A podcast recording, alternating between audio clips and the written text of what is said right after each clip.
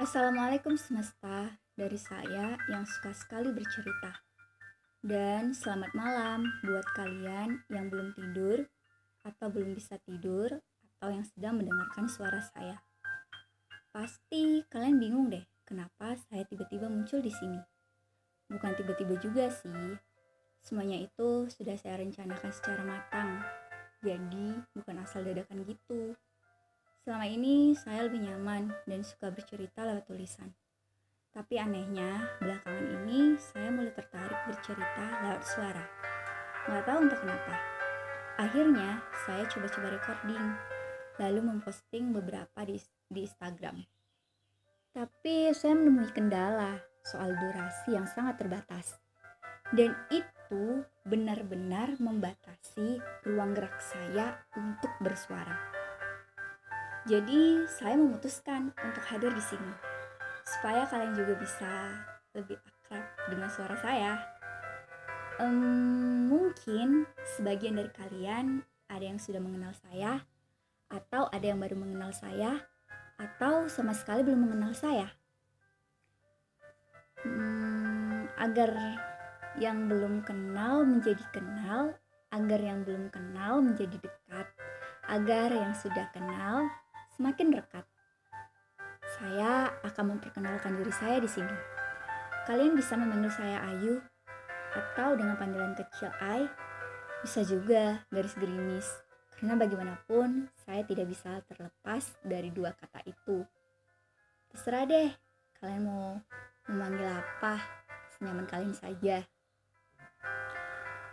Hmm, saya mulai menyukai sastra sejak SD Dulu, setiap kali guru membagikan buku pelajaran, buku yang pertama kali saya buka adalah buku bahasa Indonesia. Saat itu, saya hanya menjadi seorang penikmat murni. Belum terbesit sedikit pun untuk menjadi orang yang suka bercerita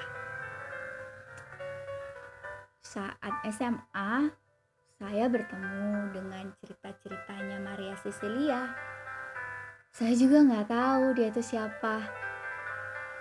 Bahkan sampai sekarang pun gak kenal. Tapi tulisannya sudah sangat akrab dengan saya.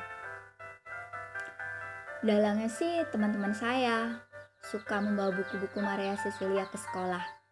Buku-buku itu seperti piala bergilir di kelas Ternyata bukan hanya buku itu saja yang beredar di dalam kelas. Ada juga tulisan teman saya yang ikut nimbrung. Katanya biar makin ramai. Ada-ada saja dia itu. Barulah saat kelas 2 SMA, saya mulai bercerita melalui tulisan.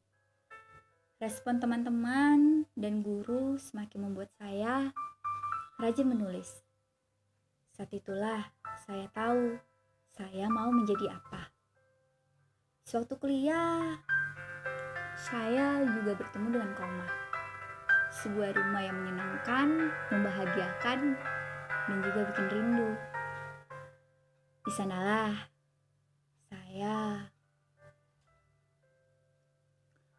mulai berkenalan dengan yang namanya lomba menulis, mengirimkan tulisan ke media dan membukukan tulisan. Sebelumnya, saya benar-benar buta bagaimana cara untuk mempublik mempubliskan tulisan. Hmm, apaan sih? Kok panjang banget perkenalannya? Ya sudah, itu aja dulu.